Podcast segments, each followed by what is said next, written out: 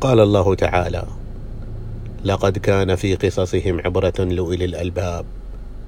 ما كان حديثا يفترى ولكن تصديق الذي بين يديه وتفصيل كل شيء وهدى ورحمة لقوم يؤمنون.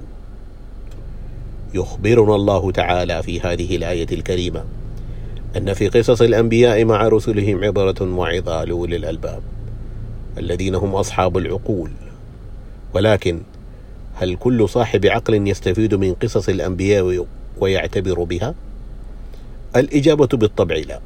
فكفار قريش كانوا أصحاب عقول واعية ومع ذلك لم يعتبروا بقصص الأنبياء ولم يؤمنوا بالدين الحق.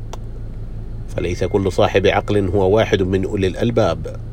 وليس كل من يسمع القصص الأنبياء أو يرويها هو من طائفة أولي الألباب. إذ من هم أولو الألباب الذين تتحدث عنهم الآية الكريمة. ولنعرف الإجابة عن هذا السؤال. دعونا نستمع سويا للفخر الرازي رحمه الله إذ يقول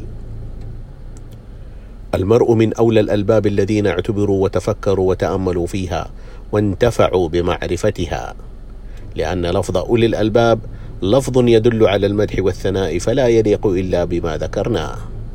من هنا فإن أولى الألباب هم من يتفاعلون ويتعاملون مع القصص أنبياء وغرها من قصص الحق وفق ثلاث خطوات. الخطوة الأولى التفكر فيها وتأمل معانيها. الخطوة الثانية تفهم ما في القصة من دروس وعبر واستخراج ما فيها من قواعد إيمانية وقيم أخلاقية ودروس عميقة. الخطوة الأخيرة ترجمة هذه القيم والدروس إلى واقع عملي في حاضرهم ومستقبلهم. وهذه الخطوات الثلاث هي قول الإمام الرازي والمراد من أولي الألباب الذين اعتبروا وتفكروا وتأملوا فيها وانتفعوا بمعرفتها. إذا التفكر في القصص يقود إلى معرفة ما فيها من قيم أخلاقية وقواعد سلوكية.